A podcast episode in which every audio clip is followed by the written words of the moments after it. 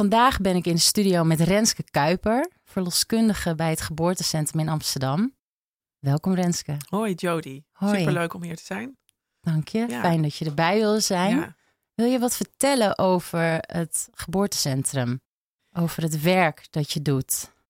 Ik zal het kort houden over het geboortecentrum. Het is een praktijk die al 25 jaar bestaat en, eh, in het hartje centrum van Amsterdam.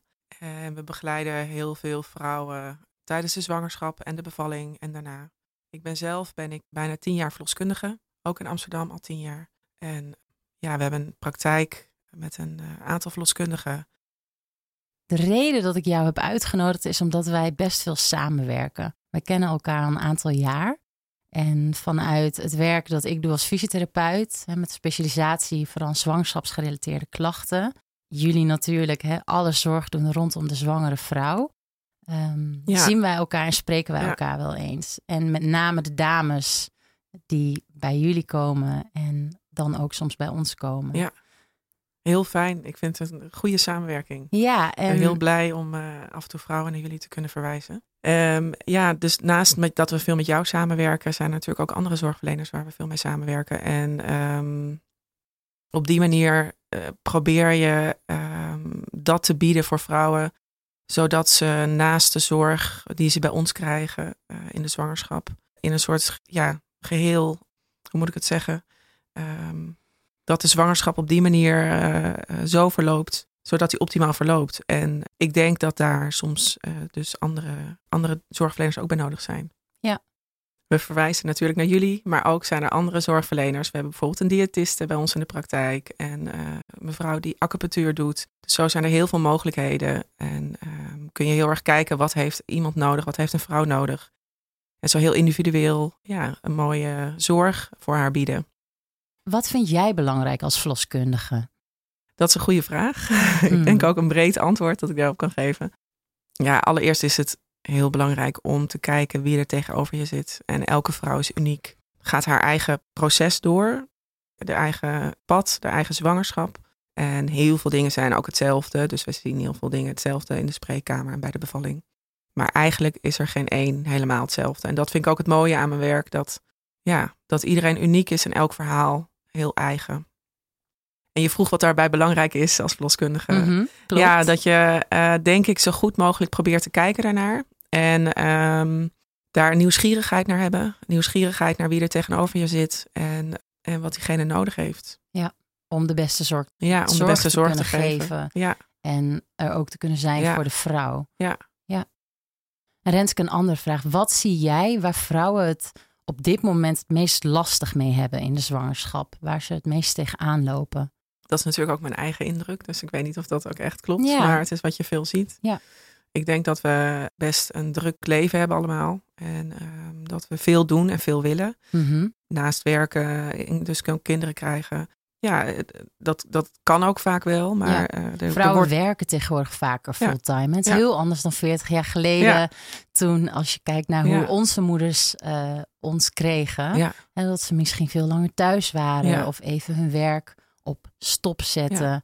En vrouwen hebben natuurlijk tegenwoordig veel vaker een fulltime baan. Ja, Dus- maakt ook natuurlijk dat je kan ontwikkelen. En dat Zeker. je heel En- veel andere en, hè, voordelen daarvan En dat is natuurlijk te gek. Hè, de woorden emancipatie en eh, Ja. hè, feminisme, die zijn onwijs ingeburgerd nu. En dat Empowerment. onwijs. hè? En dat is natuurlijk ook wat we willen. Ja. Wij zijn ook vrouwen en Ja. wij eh, hebben ook ons eigen werk en hè, leven heel erg naar hoe we ook in Ja. ons werk staan. Ja, want dat is ook dus wel ook waar je ook weer de andere kant ervan ziet. Precies. En eh, daar hebben we het ook wel eens over gehad, volgens mij. Ja. Dat, eh, dat is wat ik merk, dat, dat er, eh, ja, er wordt veel gevraagd. En eh, eigenlijk ook in de korte tijd die ik heb voor, voor vrouwen in de spreekkamer. Ja, want hoe lang heb jij precies? Een normaal gewoon vervolgconsult duurt ongeveer een kwartier. Ja. Soms heb je iets meer tijd, soms iets minder nodig. Ja, dus daar doe je de controles in en daar bespreek je Ja. hoe het gaat. Ja, iets van wat je toch wel veel ziet is de, ja, de drukte. Dus veel bezig zijn, weinig tijd eigenlijk voor de zwangerschap hebben. En dat wel willen. Ja, dus Eh, meer willen stilstaan ook bij het feit dat een vrouw zwanger is, Ja. hè, vanuit Ja. de vrouw is gesproken. En welke ruimte is daarvoor eigenlijk? En angst. Of Mm. die nou bewust is bij vrouwen eh, of niet. We zien natuurlijk heel veel. Dus je ziet ook wel soms dat vrouwen er eh, minder mee bezig zijn. Dus of nog niet zo heel erg met de bevalling bezig willen zijn. Mhm. En welke periode zie je dat meer? Ja, dat is ook heel uiteenlopend. Je hebt natuurlijk veel verschillen. Dus vrouwen die bijvoorbeeld al een keer zijn bevallen en er misschien daardoor angstig zijn. Of een moeilijke bevalling is geweest. eh, of vrouwen die vooral heel druk zijn en eh, ja, denken van die bevalling die komt wel. En eh, ja, iedereen bevalt, dus ik ga ook gewoon bevallen. En dat is Ja. natuurlijk ook zo. Ik denk ook vroeger dat is heel algemeen gezegd, hè, dat verschilt natuurlijk ook weer per vrouw, maar dat vrouwen eh, meer dichter bij hun lijf stonden.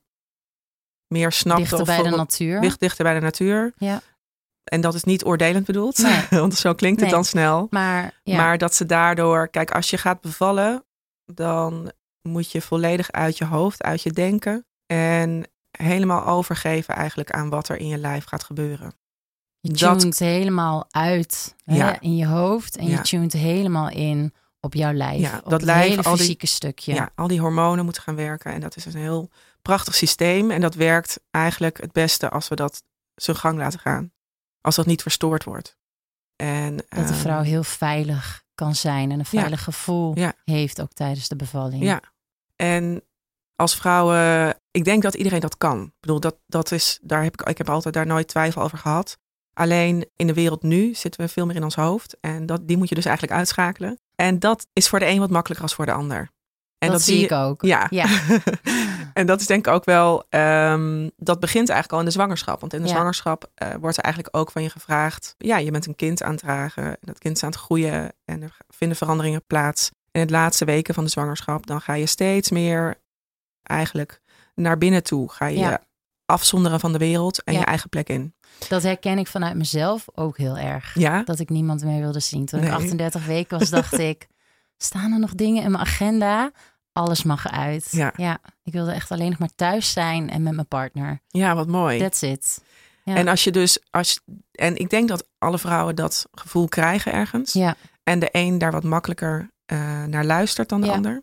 En ook dat is niet een goed of een fout of een oordeel. Want het is ook gewoon in het leven wat we nu hebben, is dat voor niet voor iedereen even makkelijk. nee, niet elke vrouw gaat natuurlijk op hetzelfde moment met verlof. Ik zie in mijn praktijk dat vrouwen vaak toch wel kiezen voor eh 36 weken. Ja, Wat ook standaard is. ja klopt. In het geval als ze bij mij komen, zijn er vaak fysieke klachten, Ja. zijn er pijnklachten. En adviseer ik eigenlijk altijd ook om eerder met verlof te Ja. gaan. Naar mijn idee, hoe ik het dus ook het meeste zie bij vrouwen, omdat ik ze ook vaak in hun verlof nog zie, is dat ze dan pas als ze twee weken uit die werksfeer zijn Ja. en hè, niet meer in die mailing zitten Ja. en dat hoofd een beetje uitschakelt van, 's ochtends wakker worden ook, hoef niet naar kantoor of ik, Ja. ik ga niet naar mijn werk, of welk werk je dan doet dat dan ook dat besef pas komt. Oh ja, ik ga binnenkort bevallen. En hè, dat je dus dan steeds meer intunt. Ja. Moet Dus eerst zo- moet je uit die werksfeer Ja. komen, moet je een beetje Ja, eigenlijk dit, weer landen, ik noem ik zie, het altijd. Hè? Dus ook eh, hè, bij, bij mijn zwanger, Ja. om ze zo te noemen. Is dit iets wat jij ook ziet? Ja, nee, zeker. Ja, Want En- jij ziet ze ook in, hè, vanaf week 36 zie jij vrouwen elke week, elke week. toch? Ja, vanaf 37, 36, 37 weken. Ja. En ik vind het ook altijd wel mooi, want als ik, als ik dan soms naar jou iemand doorverwijs, dan, ja, dan ben ik ook wel weer blij dat jij iets langer de tijd hebt. Kijk, als het moet, dan maak ik die tijd ervoor Ja. Bij vrouwen. Maar dat jij wat langer de tijd hebt om het eh, ook daar bijvoorbeeld over te hebben. Waar die fysieke klachten vaak ook vandaan komen. Ja, dat is wel het allerbelangrijkste. Ja. De kraan eigenlijk meteen dicht, dichtdraaien. Ik zeg wel eens, we gaan niet dweilen met de kraan open. Dus we gaan niet pappen en nat houden. We gaan vooral kijken waardoor het komt. Hè. Sommige vrouwen hebben echt pech. Maar ik blijf van mening dat pijn in de zwangerschap er niet bij hoort. Ja, ja. Eén op de vijf vrouwen krijgt eh, in de zwangerschap te maken met pijnklachten in rondom het bekken Ja. en de lage rug. Ja. Dat is best veel. Hè? Dus dat als je gaat kijken, en dit is wereldwijd, dus dat is 20% van alle vrouwen die zwanger worden. Ja. Maar dat wil niet zeggen dat die klachten er per se bij horen. Nee. Dit is soms pech. Ja. En soms zijn het dus ook dingen, daar hebben wij het ook wel eens eerder over gehad. En daar heb ik ook wel een andere podcast over ingesproken. Dat er klachten aanwezig waren al voor de zwangerschap. Hè, waar heel goed omheen te werken was, omdat het lichaam super sterk was. En vrouwen heel sportief waren. Ja. En dat verandert soms, hè? vooral dat eerste trimester. Als je wat gas terugneemt, wat Ja. ook heel verstandig is, naar mijn mening. Ik weet Ja. niet hoe jij daarover denkt. Ja. Ehm, Het is zo mooi, eigenlijk dat kom je weer op dat stukje dat je heel individueel moet kijken wat iemand nodig heeft. exact. En dat de een ehm, wat meer sportief mag zijn. Ja. Eh, zeg maar fit blijven. Fit blijven richting de bevalling. Ja. In de zwangerschap. En de ander mag juist wat gas terugnemen. Ja, Tegenwoordig exact. zijn de meeste vrouwen denk ik eerder te fit dan, tenminste, dat verschilt per praktijk Ja. denk ik. En wat Ehm, bedoel je dan precies met te fit? Die zijn eh, veel met sport bezig, veel met gezondheid en veel druk met werk. Ik weet niet Mhm. waar het dan precies aan ligt, maar kunnen veel spanning op de bekkenbodem hebben. En daar kunnen ook klachten vandaan komen. Ja. Gespannen buik, veel buik, die buikspieren die de hele zwangerschap echt eh, aanwezig blijven. Ja, dat Wat is niet ook erg iets wat is, jij maar- voelt, toch? Ja. Als jij als je als zwangere bij jou eh, Ja. op controle komt, dan voel je ook altijd. We voelen de- altijd naar de buik, de naar de buik. groei van Ja. het kindje en de baarmoeder. Maar vaak zie je wel dat klachten, en dat is dan weer eh, wat ik dan terugkrijg van of van jou of van Mhm. andere bekkenbodemfysio's waar we naar verwijzen. Dat klachten van de bekkenbodem eh, of in de zwangerschap of daarna eerder komen door juist te veel spanning, door onvoldoende spanning. Dus het gaat vaak meer om het bewust worden van goed ontspannen. Daar sluit ik me helemaal Ja. bij aan. Ja, mooi gezegd. Dat is eigenlijk jouw werk, maar dat vertel ik vaak aan vrouwen. Maar dat is heel fijn, want dit is wel iets waar het heel vaak nog misgaat. En heel veel vrouwen die, hè, wat jij noemde, die, die zijn heel sportief. Soms eh, willen ze ineens zelfs nog meer doen dan dat ze deden voordat ze zwanger waren. Omdat ze ineens echt het besef hebben van, mijn lichaam gaat veranderen. Ik moet misschien wel sterker worden. En dus soms ook denken, ik moet die bekkenbodem heel erg gaan trainen nu. Ja. En dat is dus helemaal niet ja, nodig. In het geval als je voor het eerst zwanger bent. Hè, dus dan heb ik het wel echt over een eerste zwangerschap. ja, Een tweede zwangerschap kan dat heel anders zijn. Maar eigenlijk hebben vrouwen voordat ze bevallen met pijnklachten in het bekkengebied, nou in 99% van de gevallen een te gespannen bekkenbodem. Ja. En ik denk ook bij de bevalling, helemaal bij dat laatste stukje, bij het Ja. persen, maar Ja. ook al bij de ontsluiting, Ja. eh, is het heel belangrijk dat je die bekkenbodem helemaal kan openen en dat die helemaal kan ontspannen. En heb ik het idee eh, dat er soms juist zoveel spanning zit dat het moeilijk is om daar Naartoe te zakken ook. ja, naartoe te zakken en, te open, en open te gaan en te kunnen persen, daar doorheen te persen. Kijk, want ik zie natuurlijk de vrouwen die dan terugkomen ook vaak na hun bevalling. Ja. En dan willen ze graag een check. Of hè, er zijn, ik noem het even, ingrepen geweest als bijvoorbeeld een knip die er gezet is. Vacuüm, Ja. eh, extractie noem je het toch? Ja, vacuüm, ja. Vacuüm, ja. Soms een keizersnede. Hè, wat, wat heel fijn is dat dat een goede nazorg krijgt. Want ja, het is even iets heel anders waar ik nu op terugkom. Maar weten jullie ook vanuit de verloskunde dat dat zes weken vertraagd herstel geeft op de functie van de bekkenbodem? Dus als vrouwen een knip hebben gekregen, dan liggen ze altijd zes weken achter in hun functieherstel als vrouwen die dat niet hebben gehad. Ja, nee, dat wist ik natuurlijk- niet. Ja, nee, Ik dat geeft wel- ook niet. Het is natuurlijk ook weer meer ons werk. Ja. Maar Ik vrouwen zeg wel vallen altijd dat het langer duurt. ja, ja, en vrouwen wel. vallen natuurlijk de eerste zes weken onder de zorg van de verloskundige nog. En daarna hebben jullie een, een afsluitingsgesprek. En De dan- nakontrole bij zes Precies, weken. na Ja. Nee, maar bij een knip duurt het echt altijd sowieso wat langer. eh, het duurt wat lang om te genezen. En het Ja. kan wat langer klachten geven. Ja. Dat leg ik zeker Ja. uit. Dus dat komt denk ik overeen met die eh, zes weken die je Ja. noemt. Ja. Precies. Het geneest soms wel beter, omdat het weefsel zo recht. Nou ja, laat ja, wij zeggen, zeggen. eigenlijk dat meestal het makkelijker geneest als je niet bent geknipt. Oké, Ja, ja. weer vanuit een andere. eh, ja, Het ligt er natuurlijk denk ik ook aan op welke gradatie er Ja. een, eh, een, een scheur heeft plaatsgevonden dan in dit geval. Ehm, hè, dat, dat, kan, dat kan echt op allerlei andere manieren zijn. Ja. Om even terug te komen op dat stukje waar we het net over hadden, die te gespannen bekkenbodem. Hoe zie jij dat? Hoe ervaar jij dat? Is dat iets waar jij vrouwen advies in geeft? Of wijs je Ehm, vrouwen dan meteen door? Eventueel als ze klachten hebben. En ik ben heel laagdrempelig in het doorverwijzen. Omdat ik ook denk dat dus als je, dat is een beetje ook eerder, weet je wel, die verschillende zorgverleners. Iedereen heeft zijn eigen expertise. En bij eh, iemand die daar weer, zoals jij, die daar gespecialiseerd in is, die goede tips kunnen geven. Ja. Al voor de bevalling. En ik krijg ook wel eens de vraag over bijvoorbeeld een epino. Dat ze, Ja. ehm, of, ze, of ze dat moeten gebruiken om eventueel een ruptuur te voorkomen. Ja, ja wat vind jij Eh, daarvan? Ja, vind ik altijd moeilijk. Ik heb er eigenlijk een, niet heel erg een mening over. Eh, eerder eh, niet adviserend. Ik denk niet per se dat het voorkomt eh, dat je een ruptuur krijgt. Maar het maakt je misschien meer bewust van het gebied van die bekkenbodem.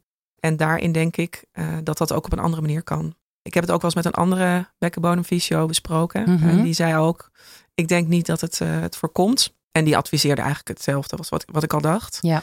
En daarbij kan denk ik eerder bijvoorbeeld eh, een vorm van perineummassage ook helpen. Ja. En is dat misschien, ik weet niet het juiste woord, maar een zachtere vorm van Ja. het bewustzijn van je bekkenbodemgebied, van die spieren. Mhm. Het kunnen spannen, maar ook vooral kunnen eh, ontspannen van Ja. dat gebied. Precies. En tijdens de persfase om daar dan eh, ja, op naartoe, een, naartoe te kunnen Ja, zakken, naartoe ja. te kunnen gaan. ja, Dat begrijp ik. en het gebied goed doorbloeden. En dat is eigenlijk weer vooral massage. Ja. Dus perineummassage, ik adviseer het vaak rond week 34 om ermee te starten. Ja, ja, rond 34, Ehm, 36 weken. Ja, En, en nog wel even om toe te lichten, in de zwangerschap wordt er eh, vanuit de fysiotherapie geen inwendig onderzoek toegepast. Nee, Ik ben ook eh, niet geschoold om eh, inwendig onderzoek te doen. Hè. Dus dat is niet het stukje fysiotherapie dat ik doe. Dus dat, dat dat ook even duidelijk is voor de mensen die luisteren. Maar dit haal je anamnestisch er eigenlijk Ja. altijd uit. Hè, door hele goede vragen te stellen. Daar nemen we ook flink de tijd voor. Dus dat is ook een beetje. Ja, eh, ik denk terug dat je op heel veel manieren vraag, kun je dat filter jij dat eruit? En ja. ja. ik geef zelf vrouwen heel vaak ademhalingsoefeningen mee. En ik zeg vaak, hè, je mag het noemen hoe je wilt. Eh, de ene is al bekend met meditatie, de Ja. ander is bekend met yoga. De ander eh, zingt of eh, doet iets anders. Het maakt niet zo heel veel uit, want we halen allemaal adem. Ja. Hè, dus als we dat niet doen, als ons middenrif niet goed functioneert, dan functioneert onze bekkenbodem ook minder goed. En waarom leer je ook bijvoorbeeld in een, in een eh, voorbereidende cursus voor de bevalling, waarom leer je daar ademhalingsoefeningen? Ja. Als je gaat ademhaling, een oefening gaat doen, dan ga je eigenlijk uit je hoofd. Ja. Dus dat is ook Helemaal bij de bevalling supergoed om Ja. toe te passen. Om Ja. met je ademhaling bezig te zijn en proberen niet meer te denken. Zie jij dan vrouwen eh, die bijvoorbeeld veel daaraan gewerkt hebben in de zwangerschap? En ik weet dat er tegenwoordig wat meer plekken zijn waar je hypnobirthing cursussen kan doen. Ik weet dat zij daarmee werken en ook met affirmaties. Er zullen ook ongetwijfeld heel veel andere soorten cursussen zijn die ingaan op de ademhaling. Ja. Maar zie je dat als voordeel bij eh, de vrouw die op dat moment gaat baren? Dat je ziet, god, die is daar duidelijk wel. hè, die, die weet Ja. wel hoe ze in haar lijf kan zakken. Die Ja. heeft zich voorbereid. Ja. Die, die weet hoe ze kan ontspannen en eh, Ja. uit het hoofd, hè, wat Ja, we net benoemden, in het lijf kan zakken. Ja, het is een soort reis die je maakt eigenlijk, eh, denk ik. De bevalling. Ja, daar Ja. vergelijk ik het wel eens mee. Ja. Met de zwangerschap kun je er ook Ja. natuurlijk bij nemen. Maar als je de bevalling ziet als een soort reis. En ik moet altijd wel lachen, want dat, dat gebruik ik in mijn spreekkamer wel zoals eh, eh, om dat te vergelijken. Ik zeg, dan bereid je je meestal ook voor. Dan ga je, eh, je gaat je verdiepen in het land waar je heen gaat. En dan zeggen mensen... Laborland. Ja, Laborland. Laborland. Ja, je gaat naar Laborland. Zo noemde ik het. Dat is het ook. ja, dat en, is met- het en dat heb ik weer van ehm, Jennifer van Spinning Babies. Ja. Die noemde Ja. dat Laborland. Toen dacht ik, dat is het woord. Ja, het dus is ook heel dank mooi Jennifer zien. Ja. als je luistert. Ja. Ja. ja. Jij hebt ook toch bij haar gevolgd? Ja, die heb ik ook gevolgd. Precies, ja. ja. Ja. Daar ga je dus als barende vrouw naartoe. Ja. Dus die reis die je net noemde. Ja, en maar dan zeggen mensen wel eens: nee, maar ik ga, ik ga op reis ook nooit, bereid ik me nooit voor. Nee, En dan, en dan eigenlijk kan ik niks meer zeggen. Dan denk ik: oké, ga, maar, ga maar lekker onvoorbereid die reis Ja. in. Maar dat mag ook. Dat is helemaal, maar die helemaal goed. reis, die heb je al wel eens eerder gemaakt. Hè? Want als kind ging je Ja. misschien met je ouders op vakantie. Ja. En dan waren zij voorbereid en hoefde jij je niet voor te bereiden. Maar eigenlijk- heb je dat wel misschien door conditionering Ja, maar eigenlijk is natuurlijk, eh, bereid je altijd wel een beetje voor. En ik ben zelf namelijk ook wel van het niet altijd voorbereiden. En dan komt het ook goed. Ja, Maar wat ik, waar waar we het eerder over hadden, ehm, het, ja, voor, het is niet voor iedereen even makkelijk om uit het hoofd te gaan. ja, een goede voorbereiding kan daar heel erg bij helpen. Eh, dus door ademhalingsoefeningen, yoga, een cursus. En ehm, daarom adviseer ik meestal om niet een, vooral bij een eerste kindje, om niet een cursus te doen die in één dag is. Eh, dan krijg je wel veel informatie en dan kun je zeker daar zelf ook mee voort. Maar het gaat vaak ook om herhalen en weer opnieuw horen. En, ehm, even, en dus oefeningen, ontspanning en ademhaling.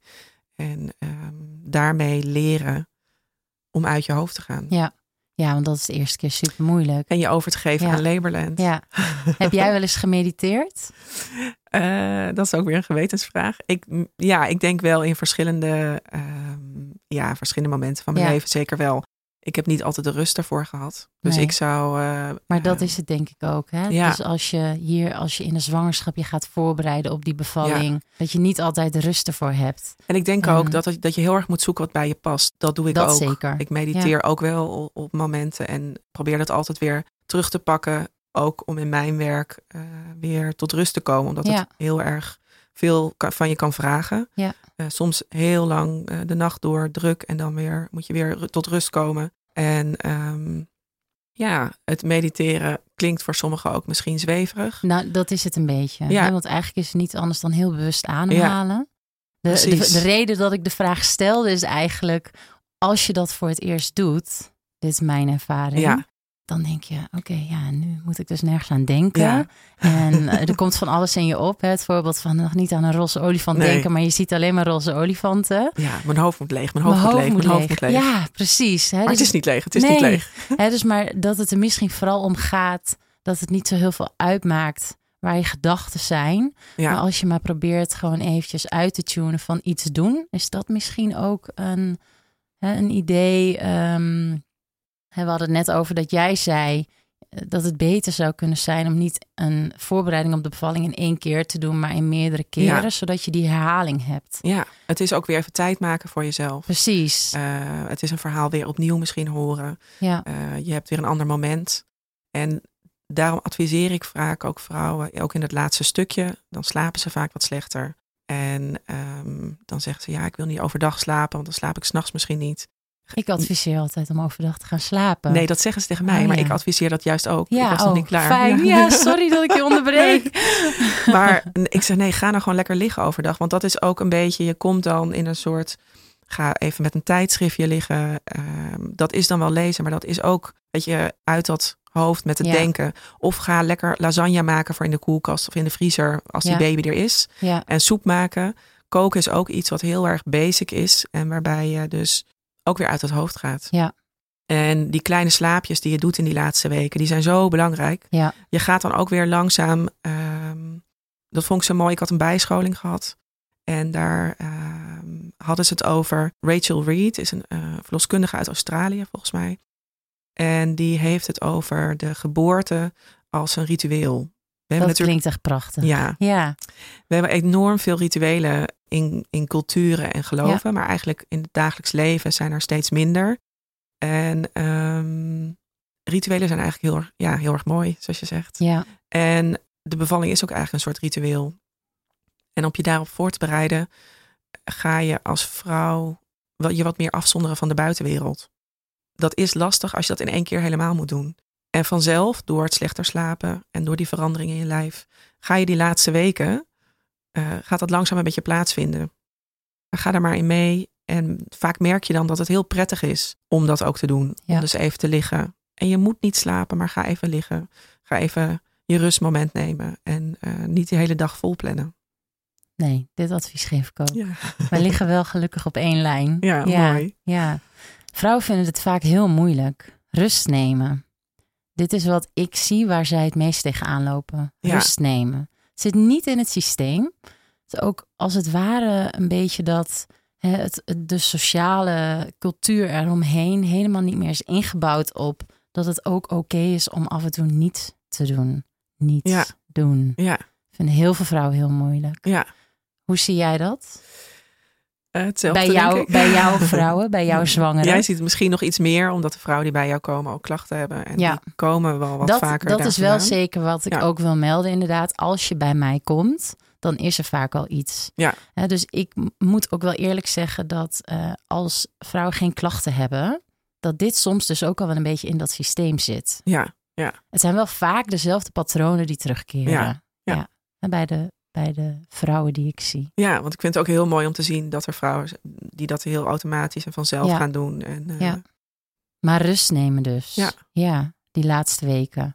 En dat slechte slapen wat je net noemde, dat is hormonaal, toch? Dat is echt omdat het lichaam zich gewoon gaat voorbereiden op... jij hebt straks Ja. een baby. Ja. Die baby moet eh, gevoed worden, Ja. ook in de nacht. Ja. Die slaapt niet direct door. En of je nou borstvoeding geeft of een fles, het maakt niet uit. Je, je baby gaat wel een moet beetje dat worden. ritme eh, Ja. aannemen van de baby Ja. die straks geboren gaat worden. En dat kan je ook supergoed aan Ja. als vrouw. Ja. Althans, Ja. een hele periode. Zeker. Ligt aan hoe lang het duurt natuurlijk. En dat is ook weer ieder voor zich, want iedereen gaat er anders mee om. En heeft natuurlijk een ander kind. Ja. Eh, staat zelf daar anders bij in het leven. Ja. Maar dat is om even op dat stukje terug te komen van dat slechte slapen. Dat is toch echt een hormonale kwestie. het is ook natuurlijk het laatste stukje dat eh, het zwaarder is in je lijf. En Ja. dat het lijf, dat het moeilijker is om een fijne houding te vinden. Ehm, die is er zeker ook. Eh, maar het is, eh, het is, en het lullige is, zeg ik dan altijd maar, dat sommige vrouwen dat al veel eerder in de zwangerschap hebben. Ja. Dat je echt hoort, echt gewoon van, oh ja, dit is echt dat lichter slapen al, Ja. wat de meeste pas laat hebben. Ja. Ja. Jij had het net over dat ritueel. Daar Ja. begon je over Rachel Reed, noemde je haar? Ja. ja. ja. Nou, dat is iets uit om, Australië. om en, even eh, uit te zoeken. Maar kan je daar nog eens iets meer over vertellen? Hoe zij dat ritueel beschreef? Ja, ik vond het wel mooi omdat het wel weergeeft ehm, wat ik vaak zie ook bij de bevalling. Bij vrouwen die dus door die reis heen gaan. eh, door Laborland. En ehm, waarbij het dus begint dat je eh, je gaat, ja, wat meer gaat afzonderen van de buitenwereld. En helemaal je eigen wereld ingaat. Om vervolgens daarna langzaam weer, als het kind geboren is, langzaam weer terug te gaan en terug te komen in de wereld. Dat heeft Mhm. ook weer tijd nodig. En als je naar je eigen, helemaal naar binnen gaat en naar je eigen wereld, dan ja, dat, dat ritueel doorgaan, het helemaal de eerste keer, maar elke keer opnieuw weer natu- natuurlijk. Het moeder worden. Dus dat is denk ik ook. Ja. Het loslaten van je oude ik ook wel, denk ik. Ja, en eh, het ritueel om van daarvoor zwanger te zijn, het moeder te worden, is iets waar je zelf doorheen gaat. Dat moet je alleen doen. Ja, Ja, dat kan Daar- niemand anders voor jou nee. doen. En dan vond ik dat Engelse woord wat zij ervoor gebruikt, vond ik, vond ik eigenlijk heel mooi. Dat noemt ze aloneness. Prachtig. Ja, wat, wat niet loneliness is, omdat het vaak voor mensen geassocieerd natuurlijk is van alleen. En dat heeft een soort negatieve associatie. Maar ik vond aloneness zo mooi klinken daarin dat het is ook een proces wat je alleen doorgaat. Wat niet betekent dat je er geen steun bij kunt hebben. eh, Nee. Van je partner, die er tegenwoordig natuurlijk een veel grotere rol heeft. Wat Ja. zo mooi is, want die Ja. kan zo steunen. En van ons. En eh, Eventueel een doula. een doula. Ja. En andere, eh, andere dingen in de omgeving. Ehm, die steun is heel belangrijk Ja. en heel fijn om te ervaren. En dat, maakt ook. voelt dat je niet alleen bent. Ja, Maar dat proces waar jij op dat moment doorheen gaat, moet je wel alleen doen. ja, en dat Ja. maakt ook dat je, ehm, dat je dat kan, hè? dat je die, die steun hebt van anderen. Ja. Maar ik vond de, het woord wat zij gebruikte, aloneness, dat, ja, dat kon ik gewoon helemaal voelen. Omdat ik dat zo vaak zie gebeuren bij vrouwen als ik erbij ben. En ehm, ja, dat is misschien ook wel wat ik het mooiste vind aan mijn werk. Misschien waarom ik verloskundige ben. Omdat ik het iedereen dat gun, omdat, om de steun te krijgen als je dat nodig hebt. En ook En om vooral als je komen, dat nodig hebt. Om op dat punt te kunnen om op komen. dat punt te kunnen komen. Ja. Ja. En ook daarin is het, eh, ervaart de een dat misschien meer als de ander. En is dat ook weer niet, wil ik daar absoluut niet een mening over hebben. Of is dat niet een oordeel van dat dat goed of fout is. Of dat je, je daar moet komen of niet. Maar als je dat wil en, en daarvoor gaat, is het, Ja. is het ook dus heel empowering om, om dat te ervaren. Ja. En zie je dat dus ook vaak gebeuren bij vrouwen als die eh daar doorheen gaan en het hebben gedaan en zijn bevallen. Dat is bij de een wat sneller dan de ander. Maar die, die kracht die ze ervaren daarna, ja, dat kan ik niet vertellen. Dat kunnen ze alleen maar zelf, denk Ja. ik. Dat kunnen, kan elke vrouw, denk alleen maar zelf vertellen hoe, hoe ze dat ervaren en hoe dat voelt. Mooi. Misschien voor jou ook. Ja, Ja. dat denk ik wel. Ja, dat, het is ook altijd wel even weer er naartoe teruggaan naar zo'n moment. Ja, Maar zeker, ja. En ik denk vooral als het alweer verder weg is, dat je wel terugkijkt van ja, dat, dat heb ik toen wel gedaan. ja, En eh, het wordt nooit meer zoals het was daarvoor. Je nee. hele leven verandert. Ja. En je bent ineens moeder. Je, eh, ja, je staat anders in het leven. Je, je moet oude patronen denk ik ook loslaten. Ik denk dat dat ook wel iets is wat jij zegt. Hè, waar je als vrouw doorheen gaat. Door al die processen, die veranderingen. Dat dat ook wel echt het loslaten is. Hè? Het openen naar een nieuw begin. Ja, Ja, dat, ja, dat woord van ontsluiting vind ik soms wel zo mooi. Je, je ontsluit iets. Hè? Dus je, Ja. je gaat eigenlijk dus ook iets openen. Dus ontsluiting, zou, zou je dat niet ook gewoon opening kunnen noemen? Ja. Je hebt nu zoveel centimeter opening. En als je 10 centimeter geopend bent, Ja, dan mag je ervoor gaan. ja. En dan, als, dan mag je, ja, als je de persfase, hè, als die gaat beginnen, dan mag je daar naartoe. ja. Ja, ja dat, ik denk dat het natuurlijk voor elke vrouw anders is. Hè? Want iedereen ervaart het op een andere manier. Ik denk dat het al begint, het hele proces, bij voordat je zwanger bent. En als je gaat kijken, want jij noemde net hè, van, vanaf het moment dat je zwanger bent, dan gaan er dingen veranderen. We weten ook eigenlijk weer uit onderzoek dat twee maanden voor de conceptie, voordat de conceptie plaatsvindt, dat dat eitje dat op dat moment hè, bevrucht wordt, Ja. dat dat twee maanden daarvoor al gevormd wordt. Ja. En hoe jij als vrouw in het leven Ja. staat, eh, Ja. dat dat heel veel doet natuurlijk op dat eitje dat jij al heel lang bij je draagt. En dat eitje is eigenlijk al gevormd toen jouw oma zwanger was van, jouw jouw moeder. moeder. Ja. ja, dat is iets wat heel weinig mensen weten. Niet, hè, wat weinig zijn, mensen ja. niet bewust van zijn. En toch iets wat, eh, hè, wat zo wordt je genetisch natuurlijk Ja. gevormd. En dat geef je door. ja, dus dat draag je al mee in Ja, ja, Ja. en dat is natuurlijk ook hoe jij daar weer mee omgaat, zelf als vrouw. Hoe jij jouw hele zwangerschap vult. Dat ook zo, hoe jij in je zwangerschap staat, denk ik, dat je al heel erg naar die bevalling kan toewerken. Ja, En als je dat met veel rust kan doen en niet denkt, ik ga rust nemen als ik 36 weken ben en Ja. met verlof ga. ja, Maar misschien toch goed naar je intuïtie luistert en voelt, wat, wat heb ik nou nodig? ja. Ehm, En ik denk ook, want dat is voor iedereen anders. En ik wil helemaal niet zeggen dat je eh, niet moet werken of vroeg nee, moet stoppen ik ook met werken. helemaal niet. Want werken Maar- kan onwijs veel energie Ja. geven. En ik zeg ook vaak tegen vrouwen, inspanning geeft ook ontspanning. Ja, Hè, dus ik ben ook heel erg voor bewegen. Ja. En, maar eh, probeer te kijken waar je ook momenten zeker voor jezelf kan maken. Exact. En ehm, misschien soms iets beter leren luisteren wat je nodig hebt. Ja, Dat vergeten we nog wel eens. Dat Ja. is iedereen en dat, dat is ook. maar het is gewoon, eh, ook dat hè, het luisteren naar je intuïtie. Ik denk dat dat iets is wat elke vrouw, eh, sowieso wat iedereen doet. Hè, want we hebben allemaal dat intuïtieve. Als je erg druk bent en erg gestrest, dan weten we ook dat die intuïtie eigenlijk vertroebelt. Dus dat je steeds minder goed naar die Ja. intuïtie kan luisteren. En je Ja. dus veel meer in dat hoofd gaat. Om Ja. te voelen wat zegt mijn hoofd, hè? wat doet het ratio. En niet wat doet het emotionele stukje. Ja. Of, hè, wat doet die intuïtie? Wat, wat zegt letterlijk mijn onderbuikgevoel tegen mij? Dat klopt. Moet ook de delen in je hersenen die werken als je stress hebt. Ja, Die zijn anders dan als je geen stress hebt. daardoor verandert de ademhaling. Ja, Ga je hoger ademhalen. Daardoor verandert de spanning op de bekkenbodem. ja, Nou ja, zo heb je eigenlijk een soort van cirkeltje.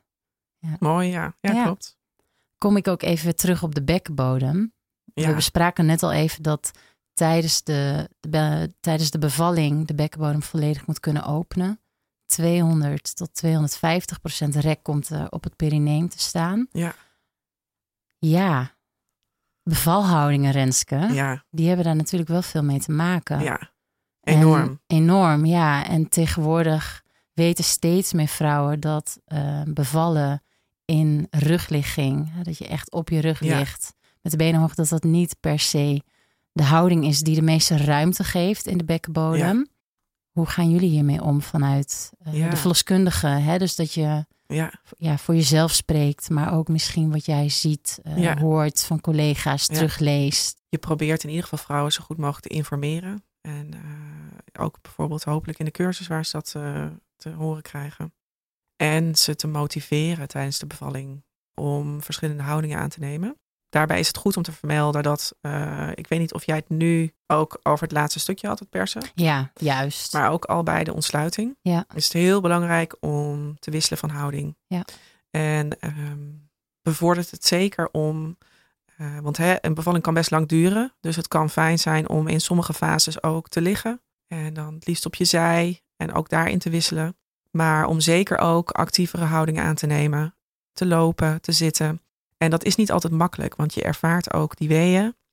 En dat maakt eh, ook soms dat vrouwen, eh, als ze eenmaal een houding hebben gevonden, denken van, oh ja, hier, hierin Ja. lukt het. Ik, Ja. ik ben oké hier. Ja, En eh, dan is het toch goed om degene, of een doula of een partner die erbij is, of dat wij erbij komen ook, om te motiveren om weer even een andere houding aan te nemen en te gaan plassen.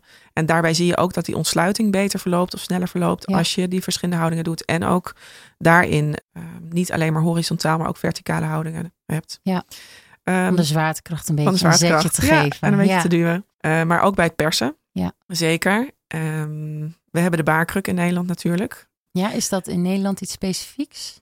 Hm, Dat is goed, goed dat je dat vraagt. Ik, ik denk dat ik niet, niet helemaal, maar ehm, ja, veel landen is sowieso een wat medischere, eh, meer medische aanpak. En belandt een vrouw snel op het bed, omdat de zorgverlener dat fijn vindt. Het gaat dan niet om de vrouw, maar om de zorgverlener. nee. Ja. En eigenlijk zijn ook onze ziekenhuizen hoor, daarop ingericht. Heel, helaas is dat zo. Als je een eh, medische kamer binnenkomt, staat het bed in het midden. En ehm, ik bedoel, ik word er ook wel eens door ehm, in de war gebracht. In de zin dat je, als je inwendig onderzoek gaat doen, en je gaat kijken naar de ontsluiting, dan is dat toch het handigste eh, als dat liggend gebeurt. En eh, dan ligt die vrouw op het bed. En maar dit daar- kan in alle houdingen eigenlijk. het kan in andere houdingen, maar ik bedoel Ja. meer van los van of je het eh, op de baarkruk doet of liggend. Want soms is het liggend gewoon echt even beter te voelen. Ja. Motiveer daarna ook weer die vrouw om van het bed af te komen. Ja. Ja, thuis, als je thuis bevalt. En ik ben niet, nou, dat is altijd zo moeilijk, want ik ben Mhm. niet per se voor thuis bevallen. Maar waar jij je het beste voelt als vrouw. Precies, waar jij je veilig Ja, voelt. waar jij je veilig voelt. Precies. Dus dat kan zijn in het ziekenhuis of thuis. Maar het voordeel van thuis is dat je, dat je eh, over die grond kan in de douche en op bed. En helemaal al die houdingen kan aannemen die je prettig vindt. Als je namelijk gaat kijken, dat is heel mooi ook soms om te zien. Soms ben ik bij een bevalling Mhm. en dan hoef ik eigenlijk niks te doen. Ik hoef er alleen maar te zijn Ja. en te zeggen van het gaat goed. En dan zie je die vrouw zelf gewoon eh, vanzelf verschillende houdingen aannemen. En dan zie je, oh, en dan gaat ze even weer op de zij. Of ze gaat op handen en knieën. En ze gaat staan, naast het bed staan. En neemt vanzelf die houdingen die goed voelen. En dit is wat je dan thuis ziet, bedoel je? Nou, thuis is dat makkelijker, laat Ja. ik dat zeggen. Ook omdat je in je Ehm, eigen vertrouwde omgeving Ja, bent. en je gaat natuurlijk minder snel over een ziekenhuisvloer Ja. eh, op je handen en je knieën. lopen. Eh, en je kan wel naast dat bed staan. Dus je kan zeker creatief zijn, maar het is wat lastiger. En eh, ja, dus eigenlijk zou een ziekenhuis anders Ja. ingericht moeten worden. in de ideale wereld zou zeker de bevalkamers in een ziekenhuis zouden Ja. heel anders zijn. Wat ja. zou jij daar graag willen zien? ja, meer ruimte dus, meer verschillende plekjes waar je als vrouw een hou- andere houding dus kan aannemen. Mhm. Eh, een bad. Ja. Ja. En Ja. niet iedereen maakt er gebruik van, maar het kan zo fijn zijn. Ja, Al die vrouwen die het pittig hebben en die dat bad ingaat, die zie je gewoon, gewoon helemaal ontspannen. wat en mooi. ja, het is, het is geen morfine of een ruggenprik, maar het doet echt wat om om te gaan met doet ja, veel. Ja, Ja, eigenlijk kan je het zelf al, daar ben je niet bewust van. Maar als je zelf pijn ervaart of eh, je voelt je niet lekker en je hebt het ook nog koud. Als, dan, als het dan warm wordt en je krijgt een warme kruik of je gaat in een warm bad. Ik ga er al helemaal zo van praten. ja. Dan denk je, oh wat heerlijk. Ja. Ja. dat is gewoon, dat doet zoveel. ja. En als er dan iemand bij je is die je vertrouwt en die zegt dat het goed gaat of die je motiveert.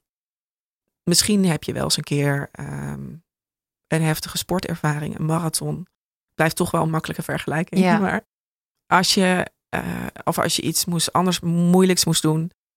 Eh, weet je, ik zeg altijd, al die mensen die langs de kant staan bij die marathon. Ja. Dat, dat, Die supporters. dat maakt gewoon dat je Dat is een goede eh, vergelijking. dat je doorgaat. Als er, ik zeg wel eens, als elke kilometer er iemand naast de weg staat en zegt: Oh, red je het nog wel? ja. Weet je zeker dat je niet nu even achter op de fiets wilt? Ja. Of eh, En ze ja. zeggen dat een bevalling een dubbele marathon is. Dus dan hebben we het over 82 kilometer. zeker weten. Ja. 84 Ja. een marathon is. Maar als ja, 42, kilometer. Ja, ja, exact. Ja. Maar dus, en als er iemand bij je is die zegt: Jeetje, wat doe je het goed? Kom op, weet je, ga ervoor. Dan ehm, Hou vol. Ja, Ja. dat doet zoveel. ja, dat doet heel veel. En eh sommigen hebben wel bijvoorbeeld, wat een makkelijkere vergelijking is, is eh, eh, een spinningklasje of zo. Daar heb je het ook al, heb ik vroeger ook wel eens gedaan, weet je, dat iemand gewoon blijft praten. Ja. En ja, dat is gewoon die Die motivatie. coacht jou Ja, er doorheen. Door En- die prestatie. Want dat is wel wat het is. En vooral op de manier hoe jij het wil. De coaching kan natuurlijk zijn in, eh, eh, in dat dus het supporten bij de weeën. Het kan ook zijn in het maken van welke beslissing voor jou goed is. Dat wil ik namelijk ook wel gezegd hebben dat eh, vrouwen die kiezen voor een rugprik of voor andere vormen van pijnstilling, dat het mooie is dat je gewoon in Nederland mag kiezen, ook daarvoor. Ja, dat is echt fantastisch. En ook daarin zie ik dat vrouwen soms het moeilijk vinden omdat ze het idee hebben dat ze die keuze niet mogen maken, dat ze het zonder moeten doen. En ik zeg ook wel eens, ja, ook niet iedereen kiest ervoor om die marathon te rennen. Nee. Dus dat hoeft ook niet. Nee. Ook daarin vind ik het belangrijk dat je die support geeft. Dus voor elke keuze die je maakt, of je nou thuis bevalt, dus of in het ziekenhuis, met of zonder pijnstilling, Ja. dat, je, dat je de support krijgt van je omgeving om die keuze te maken. Precies. Dat jij je nog steeds heel erg gecoacht voelt. Ja, En hè, ja. dus wat je zegt, supporten. Dat elke beslissing die jij maakt, Ja. dat je die neemt omdat jij die wil maken. Het gaat om de vrouw, om de, de barende vrouw op dat moment. En niet om de mensen die om haar heen de beslissingen voor haar gaan maken. dat, dat is hem. Ja. Dat is vaak als dat gebeurt en je voelt je niet meer zelf betrokken, eh, Ja. dat, dan zie je vaak Ja. dat er dat vrouwen minder goed terugkijken op een Ja. bevalling. Ja, en misschien dat- heeft dat ook iets te maken met het in controle zijn. Hè? Want heel veel vrouwen willen natuurlijk graag zelf wat controle houden. En als iemand anders die beslissingen voor jou gaat nemen.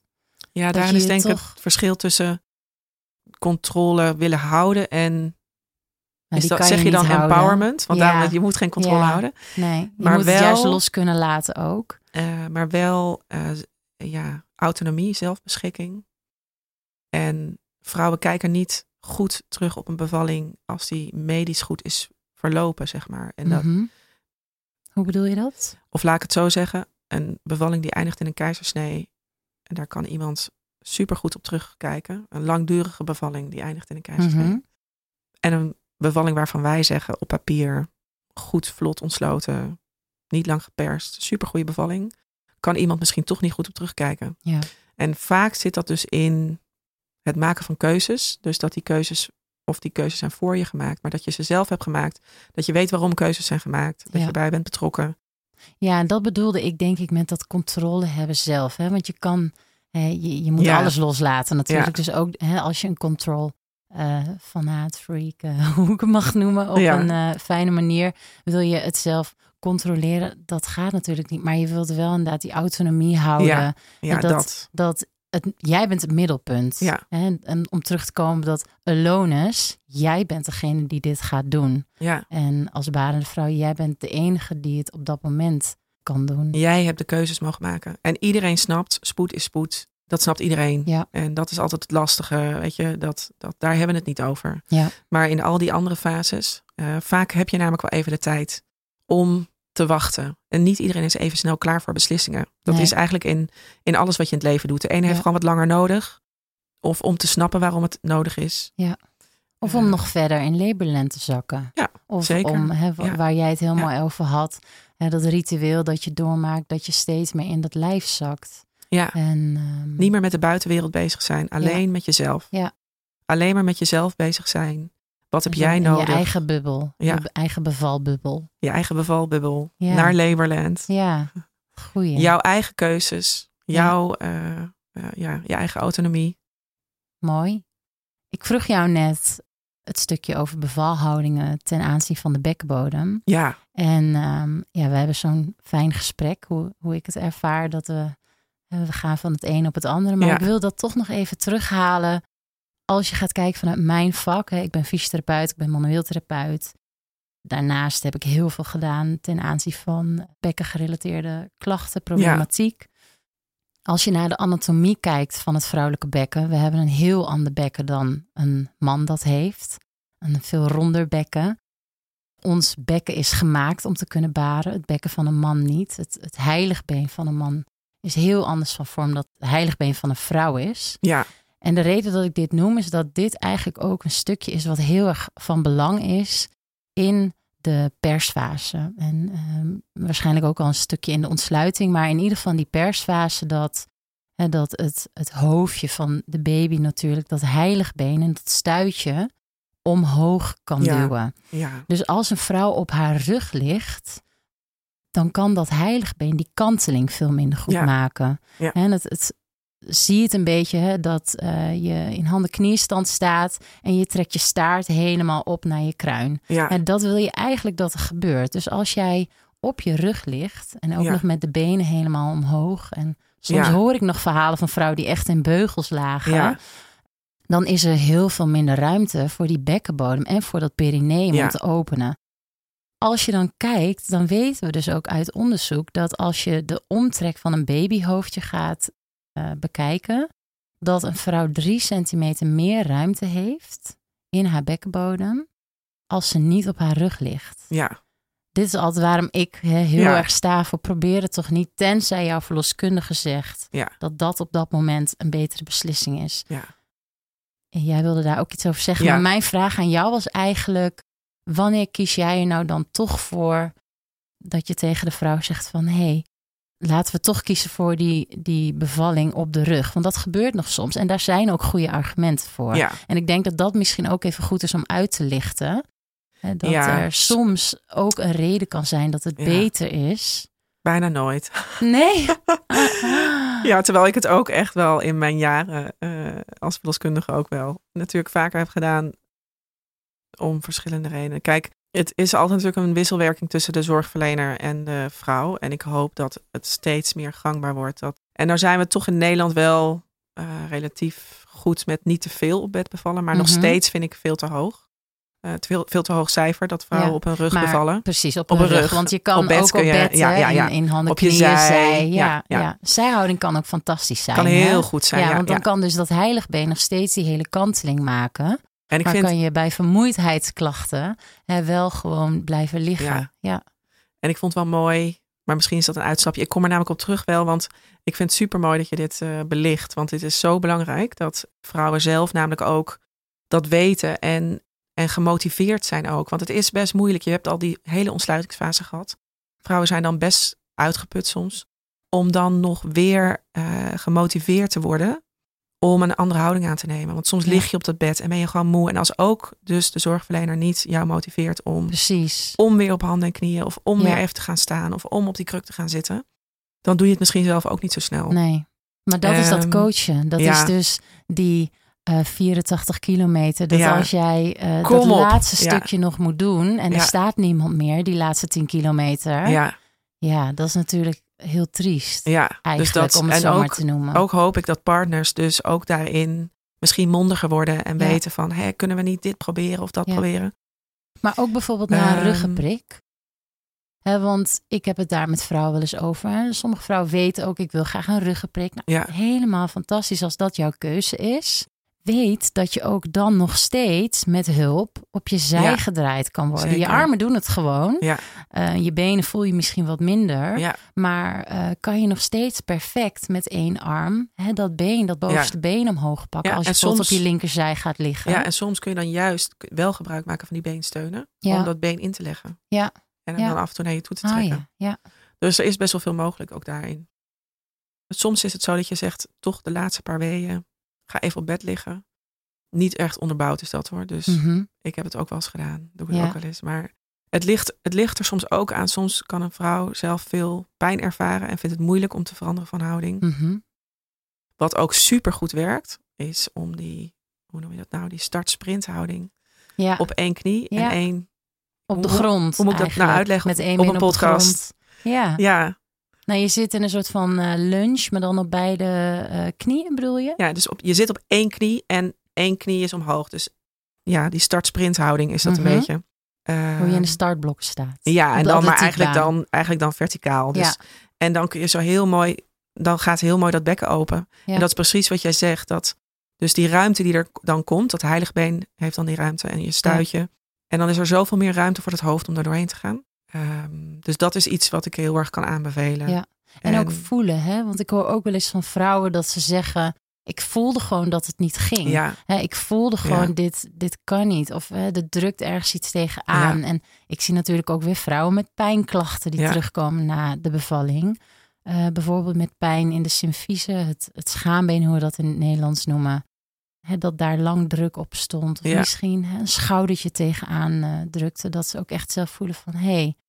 En dan is dus ook toch dat wisselen wat jij net benoemde wel heel verstandig om te doen. het wisselen van houding. Ja, ja, het ja. wisselen van Dus houding. zeker ook als je op de baarkruk zit, is het goed om eh, dat niet twee uur lang te doen. Om ook daarvan te wisselen van houding. Die beweging in het bekken, het is, of laat ik zeggen, het is een, Het is een dynamisch gebeuren. Het is een mega dynamisch gebeuren. En Ja. Je bent als vrouw natuurlijk een driedimensionaal bewegend organi- organisme, maar jouw baby is precies hetzelfde. En jullie moeten wel langs elkaar samen Ja, bewegen. Het is eigenlijk een, een tango of een, een waanzinnige dans hè, waarvoor je nog nooit hebt geoefend, die je eh, met vijf sterren wilt behalen. Dus hoe lekkerder die tango gaat, hoe Ja. beter je samen Ja. daarin zit in die Ja. dans, hoe mooier dat dat baringsritueel misschien ook wel kan zijn. Ja. Dus die dynamiek, als je die probeert in, in te houden, eh, verschillende houdingen. En dan nog heel belangrijk eigenlijk, heel mooi vind ik in Nederland. We kijken naar eh, vooral het normale proces. En als dat niet meer normaal is, dat we dan pas medisch worden. En wanneer Ehm, wordt, wanneer wordt iemand dan medisch? ja, ja, dat kan veel redenen hebben. Maar eh, als, we, als we toch denken dat er wat ja, extra risico's zijn. Of als je het over risico's wilt hebben. Maar wat ik wilde zeggen is dat we in Nederland ook wat kunnen leren van Engeland, denk ik. Oké, Ja. vertel. Eigenlijk in principe als het... Want je hebt het over dat heiligbeen ook. En je Mhm. had het net even over die schouder. Als het hoofd geboren wordt, dan zie je vaak dat het eigenlijk eh, nog een wee nodig heeft voor de rest om geboren te worden. Soms Mhm. komt het lijfje gelijk. En Mhm. het ligt er ook een beetje aan. Is het een eerste of een tweede kindje? Eh, hoe snel komt die volgende wee weer? Maar in principe als het hoofd geboren wordt, dan eh, is het heel belangrijk om de tijd te geven voor die schouders om dat bekken door te gaan. En nou hebben wij toch ergens zijn we in Nederland gaan leren dat als het hoofd geboren wordt, dat ook gelijk dat lijfje moet komen. En nou heb ik het er even niet over dat er misschien eh, situaties zijn dat je twijfelt over de conditie van de baby. Of als er andere medische redenen zijn Ja. bij een vacuüm. Eigenlijk als alles gewoon optimaal gaat. Als het gewoon optimaal bij gaat. de moeder het- en bij het ja, kind. ja, dan is het eigenlijk heel goed of belangrijk om te wachten. En te kijken dat die schouders vanzelf dat bekken doorgaan. Ja. En totdat de baby geboren wordt. Dus dat het babytje zelf de speeldraai maakt. Ja, dat Ja. sowieso natuurlijk. Daar wacht Ja. je sowieso op. Maar dat, dat, dat dat dus even tijd mag hebben. Dat Ja. dat even mag duren. Ja. Dat mag een wee duren. En ehm, Want dat was anders, begrijp ik hieruit. in Nederland zijn wij gewend om toch eh, sneller door te pakken. En te gaan eh, denken dat eh, geboorte dus dan toch meer daarbij te helpen. Mhm. En ik noem het helpen, maar dat is weer ja, ja daarbij ehm, actief de baby verder te helpen. Mhm. Terwijl dat eigenlijk vaak niet nodig is. Ja, dus dan heb je eigenlijk meer tijd. En dat je dan dat lijfje geboren laat worden. En dan gaat het eigenlijk ook in één keer, toch? Ja, zeker. Ja. En ik, dan denk ik ook dat er eventuele problemen die kunnen ontstaan, ook juist kunnen worden voorkomen. En wat, wat bedoel je dan met problemen? Ja, dat soms de, de- dat als de schouder moeizaam komt, is dat, was dat misschien niet gebeurd als er was gewacht totdat die schouders dat bekken konden ingaan. En dit is een techniek, je noemde net Engeland. Ja, in Engeland Ja? wachten ze geloof ik standaard. Oké. ehm, eh, na de geboorte van het hoofd wachten ze gewoon op de volgende wee. En eh, dat doen wij niet standaard in Nederland. Oké, maar jij doet dat wel. Dat eh, doe ik nu wel meer. Ja. Ik deed dat ook niet. Dat Ja. is ook iets wat ik. En merk je dat dat betere geleerd. resultaten geeft? Je ziet ook veel meer wat jij. Want ik, dat is zo mooi, vind ik, dat jij dat heiligbeen benoemt. Je ziet daar die veranderingen. En Ja. als je dus een andere houding hebt, niet op je rug, Ja. dan, heeft die heilig, dan heeft het heiligbeen de ruimte om. Die eh, schouder ook te laten ja, die passeren. schouders te laten ja, Want die passeren. moet ook die draai maken. Er gebeurt ontzettend veel in dat stuk. Ja. ja, en leuk om te noemen misschien. eh, dit is iets wat ik eh, ook een tijd geleden hoorde van een, ehm, een hele bekende onderzoeker in het bekkengebied, patholoog, genaamd Dr. Fleming. Hij benoemde dat tijdens de bevalling, dus tijdens de partus, dat er veel meer vocht ontstaat in het bekkengebied, sowieso in de gewrichtsruimtes, waardoor dat bekken ook zo goed kan openen. Ja, En hij zei dat is ook maar 24 uur aanwezig en daarna is dat weer weg. ja. Dus om ook te kijken, eh, wat, wat je al zei, hè, als je al die stappen van die hormonen kan doorlopen, als dat lichaam dus die kans krijgt, Mhm. dan ontstaat dus ook die, die bewatering, die bevochtiging in die ruimtes, Ja. in die gewrichtsruimtes, eh, in de ligamenten voor dat bek, om veel meer ruimte te kunnen laten, Ja. eh, doorlaten, zodat het kindje goed kan Ja. passeren. En het hoofdje van de baby die zich aanpast. Juist, ja, Die ontzettend schedel die nog niet eh, helemaal vast is. Dus die schedel kan zich aanpassen. Ja. Daarom worden kindjes vaak geboren met, of vaker, met een hele toeter op hun hoofd. Omdat het hoofd nog helemaal scheef is van die bevalling. Ja, maar dat is vooral als ze heel lang Als in het lang- ja, bekken hebben ja. gezeten bij een langere precies. persfase. Nou, ik zeg vaker, maar. Ja. eh, en daar kunnen mensen nog wel eens van schrikken. Dan benoemen we altijd zo snel mogelijk. Dat trekt allemaal weer bij. En net zoals dat voor vaders vooral, want die, die, die zien dat wat meer gebeuren dan de vrouw zelf. Het komt veel vaker voor dat als het hoofdje van de baby geboren wordt, dat hij nog vrij blauw of paars kan aanzien. Mhm. Eh, daar hoeven ze ook niet van te schrikken. Dat is, dat kan, dat is heel normaal. En eh, als de baby geboren wordt, wordt hij, van, wordt hij weer roze. Ja, maar dan zit er sowieso nog zo'n prachtige waslaag overheen. Ja. Toch? Hoe heet die laag ook alweer? Je bedoelt van het eh, huidsmeer, Ja, de vernix. de Ja, ja. vernix. Precies. En ze zitten nog een beetje onder het vruchtwater Ja. en eh, wat bloed van de bevalling. Maar Ja, ja, dus dit- zo zie je ze niet zo vaak. Die eh, pasgeboren baby's die Nee. nog net uit de baarmoeder komen. prachtig. Ja, mooi. Mooi vak. Ja, Ja. En je ziet bij een vrouw ook iets ontwaken na die bevalling. Ja, tijdens de bevalling eigenlijk. Tijdens de Ja. bevalling. Tijdens, Awaken your motherhood. ja, Ja. je ziet haar. Dat is, dat is dus echt hetgene wat ook, ja, wat zo mooi is en wat mij ook altijd elke keer weer raakt. Mhm. Het een vrouw moeder zien worden en een partner vader of moeder zien worden. Mhm. eh, daarnaast. Om dat te zien gebeuren, ja. Dus dat zie je, dat eigenlijk dat in het meest intieme moment zie je de eerste, want je zegt awaken, zie je het eerste ontwaken van, Ja. eh, eh, van, de, van, de, van het moederschap. Ja. Wat, wat zijn jij nou eh, zwangere vrouwen, vrouwen die moeder worden of graag willen worden, die daar mentaal wel een beslissing voor hebben genomen, maar het nog niet zijn fysiek. Wat zou jij ze mee willen geven? Wat, wat zou jouw boodschap zijn vanuit Ehm, jou persoonlijk, waar jij als verloskundige goede ervaring mee hebt? Ja. Nou ja, we hebben het natuurlijk gehad over dat iedereen uniek is. En we hebben het gehad over het ritueel van bevallen, wat eigenlijk al natuurlijk in de zwangerschap begint. Veel vrouwen, ja, of iedereen die zich voorbereidt op zijn eigen manier. Met een cursus of door boeken, YouTube-filmpjes. eh, Van alles, allerlei manieren zijn er. Een podcast Een luisteren. podcast luisteren, zeker. en ehm, waar er vaak een bevalplan wordt gemaakt tegenwoordig, zijn we eh, bezig met eh, ons voorbereiden. En wat ik ook wel veel zie, is dat dus de omgevingsfactoren daarbij worden neergezet. Van ik vind het belangrijk dat er gedimd licht is of dat er een bad aanwezig is. En dat zijn allemaal hele belangrijke dingen. Ehm, een zorgverlener waar je je veilig bij voelt. Maar vooral alle vrouwen uitnodigen, denk ik, om met een nieuwsgierigheid, eh, een interesse naar jezelf te kijken van wie ben ik nou als vrouw? En straks ga je moeder worden, dat weet je niet, dat weet je pas als je het bent, Mhm. denk ik. Wie ben ik als vrouw en als mens en wat heb ik nodig als Ja. ik, ja, toch als je het misschien, kun je, kun je eraan denken, wat, wat heb ik nodig als ik het moeilijk heb of als ik eh, me veilig wil voelen. Hoe wil ik dit ritueel voor mezelf vorm gaan geven? En als je met een eerlijkheid en een interesse en nieuwsgierigheid naar jezelf kijkt, ik denk dat het daarmee begint. Mhm. En dan ook dus daarnaast omgevingsfactoren een vorm geven. Dus Ja. misschien denk ik dat ik dat zou willen zeggen. Meegeven Ja, ja, aan de vrouw die moeder wordt ja, of gaat bevallen. ja, Ja, over dat ehm, geboorteplan gesproken. Iedere vrouw doet dat voor zich. Sommige vrouwen hebben geen geboorteplan. Die zeggen ja, mijn geboorteplan is dat ik weet dat ik niet op mijn rug wil liggen. Ja. Dat vind ik altijd heel fijn als Ja. dat erin staat. Waar we het net uitvoerig over gehad hebben. Ik geef vaak ook het advies als ik zwangeren zie, maak een postpartum plan. Maak dus een plan voor na je bevalling. Wat wil je doen? Ja, want we zijn zo bezig met de bevalling, met eh, of het voorbereiden daarop, de zwangerschap. Vrouwen kopen alles wat nodig is. ja, En dan is de bevalling geweest en dan, hoe ga je dan verder? Want dan heb je dus ineens een babytje om voor Ja. te zorgen.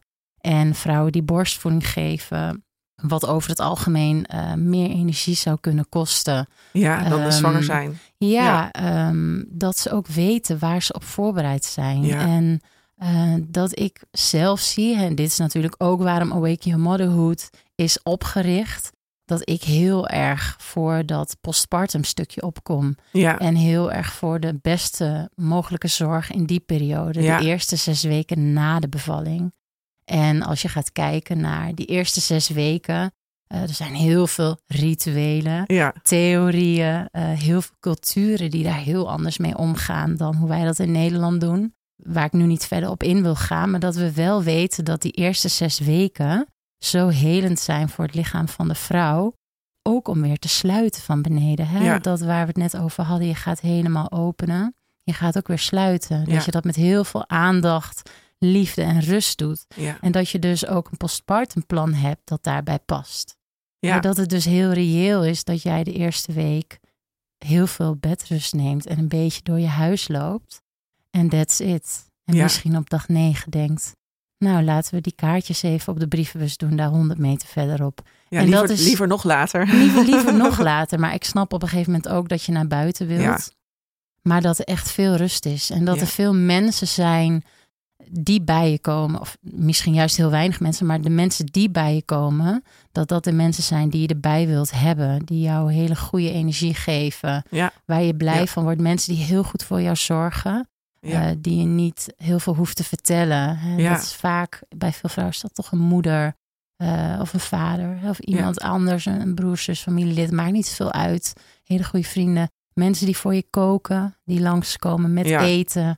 Zelfgemaakt eten. eh, zeker. snacks. Ja, Ik weet nog van mezelf dat ik vijf eh, bananenbroden kant-en-klaar gesneden al in de vriezer had liggen. En elke nacht voor de voeding of na de voeding een, een, een Ja. fles water, een halve Ja. liter water dronk en een plak bananenbrood. Omdat Ja. ik gewoon altijd honger had. ja, En dat je daar helemaal niet op voorbereid bent. En ik dat wist eh, omdat ik natuurlijk heel veel werk doe rondom de geboortezorg. Maar dat zijn wel vaak dingen die ik van vriendinnen en van vrouwen terughoor. Van wauw, weet je, dat is een, ehm, een periode waar, eh, waarin je eigenlijk nog heel kwetsbaar bent. En dat als dan de zorg beter is, maar je ook weet dus hoe je op de best mogelijke manier voor jezelf kunt zorgen. Ja. Dat dat heel veel waarde Ja. geeft en heel veel oplevert. ik vind het ook wel, je, het is wel wel mooi. Je noemt het een, een postpartum Postpartumplan. Ja. Ik noem het altijd het vierde trimester. Ja. De meeste vrouwen die krijgen 16 weken zwangerschapsverlof. De meeste nemen vier weken op Ervoor. voor de uitgerekende datum en 12 weken daarna. Dat is heel weinig, sowieso. Oh, dat is Maar- heel weinig. Als je gaat kijken, fysiek is de bekkenbodem drie, vier maanden na de bevalling eh, misschien voor 50% hersteld. Als Ja, er, ja. En dan heb ik het niet eens over een knip, want dan heb je dus Ja. zes weken vertraging of een keizersnede.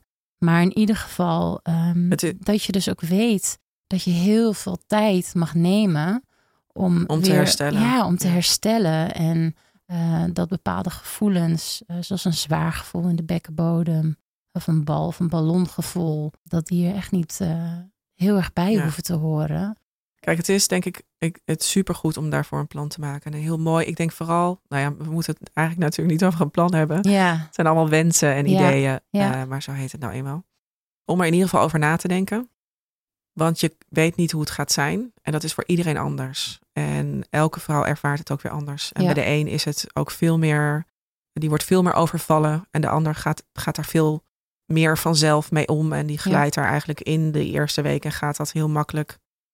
Het grote taboe nog steeds dat het eh, een roze wolk moet zijn. nee, dat Eh, is helemaal niet natuurlijk. dat is, het is gewoon hard werken. Ja. Als je eh, net bent bevallen, je moet bijkomen, maar je moet ook gelijk voor die baby zorgen. Ja. zorgen. Ja, en vooral- heel erg herstellen. Heel erg herstellen, Van die dubbele marathon of in heel veel gevallen eh, drie, vier, vijf, zes dubbel. Ja, dat bedoel ik. Dus je bent net bevallen, ja, dus je moet ervan herstellen. En je moet ook tegelijkertijd voor die baby zorgen. En, ehm, en je bent heel trots, dus mensen willen Ja. altijd heel graag ja. die visite wel en er laten is komen. ook veel adrenaline, hè, die eerste paar dagen. Ja, Wat heel eh, logisch is, want je moet wakker blijven. ja. En dat alert is dus, blijven Je hebt en om hard voor je gewerkt. baby te zorgen. Ja, precies. En ehm, dus je kan je er eigenlijk niet op voorbereiden. Ik heb ook, we hebben vaak nagedacht van, oh ja, moeten we nou meer informatie geven of toch meer bewustwording van die periode daarna? Eh, dat blijkt toch lastig. Het is gewoon ook wel logisch. Je werkt naar die bevalling toe. Maar het is wel goed, denk ik. Dus ik ben heel erg fan van het, het eh postpartumplan. om er wel ehm, over na te denken. Ja. En wat jij zegt met die, eh, dat bananenbrood. En eh, dat is dus, dat heb ik eerder volgens mij ook genoemd. Ja, je had het over van, lasagne en soep. ja, Ja, Het is juist goed om die laatste weken ga dingen koken en leg die vriezer lekker vol. Want daar ga je zo blij mee zijn in de eerste periode. warm eten. Ja, Ja, geen salades en Soep smoothies, maar warm, dingen. nourishing food, zoals het op het Engels heel mooi zeggen. Ja. Dus voedend eten. Ja. ja. En ehm, ja, dus ik, naar buiten gaan, eh, dat, dat is helemaal goed na een aantal dagen, na de eerste week, tien dagen, wat- het, hoe het voor je voelt. Maar ik bedoel ook die geboortekaartjes, doe die lekker laat op de bus. ja. Als je dat oké vindt, als je, dat, als je het geduld als je hebt. dat aan kan. De belangrijke mensen weten wel dat de baby is geboren. En ehm, als die kaartjes de deur uit zijn, dan komt alles op je af. Ja. En, eh, dus, maar je moet het lekker doen wanneer je het wil. Maar dat zijn van die dingen die ik wel eens adviseer van wat eh, ouders vaak ook zeggen bij een tweede kindje. En het is minder nieuw, dus mensen willen minder graag eh, gelijk komen. Maar dan denken ze, oh ja, die eerste week. Er gebeurt zoveel in die eerste week. We gaan die visite echt gewoon buiten de deur houden echt alleen de belangrijke mensen. Ja. En veel tijd voor jezelf. Die eerste week, die komt niet meer terug. Nee. En de eerste tijd met elkaar en met je kindje. Ook voor de borstvoeding, dat die goed op gang kan komen. Dat, heeft, dat heeft alle aandacht nodig. Ja. Dus weer is het gewoon, je bent nog helemaal echt in je eigen wereld. Ja. Dat is het enige wat belangrijk heel is. kwetsbaar. En dan is inderdaad bij dat ritueel dus weer dat je langzaam ga je weer wat meer openstellen voor de buitenwereld. Ja.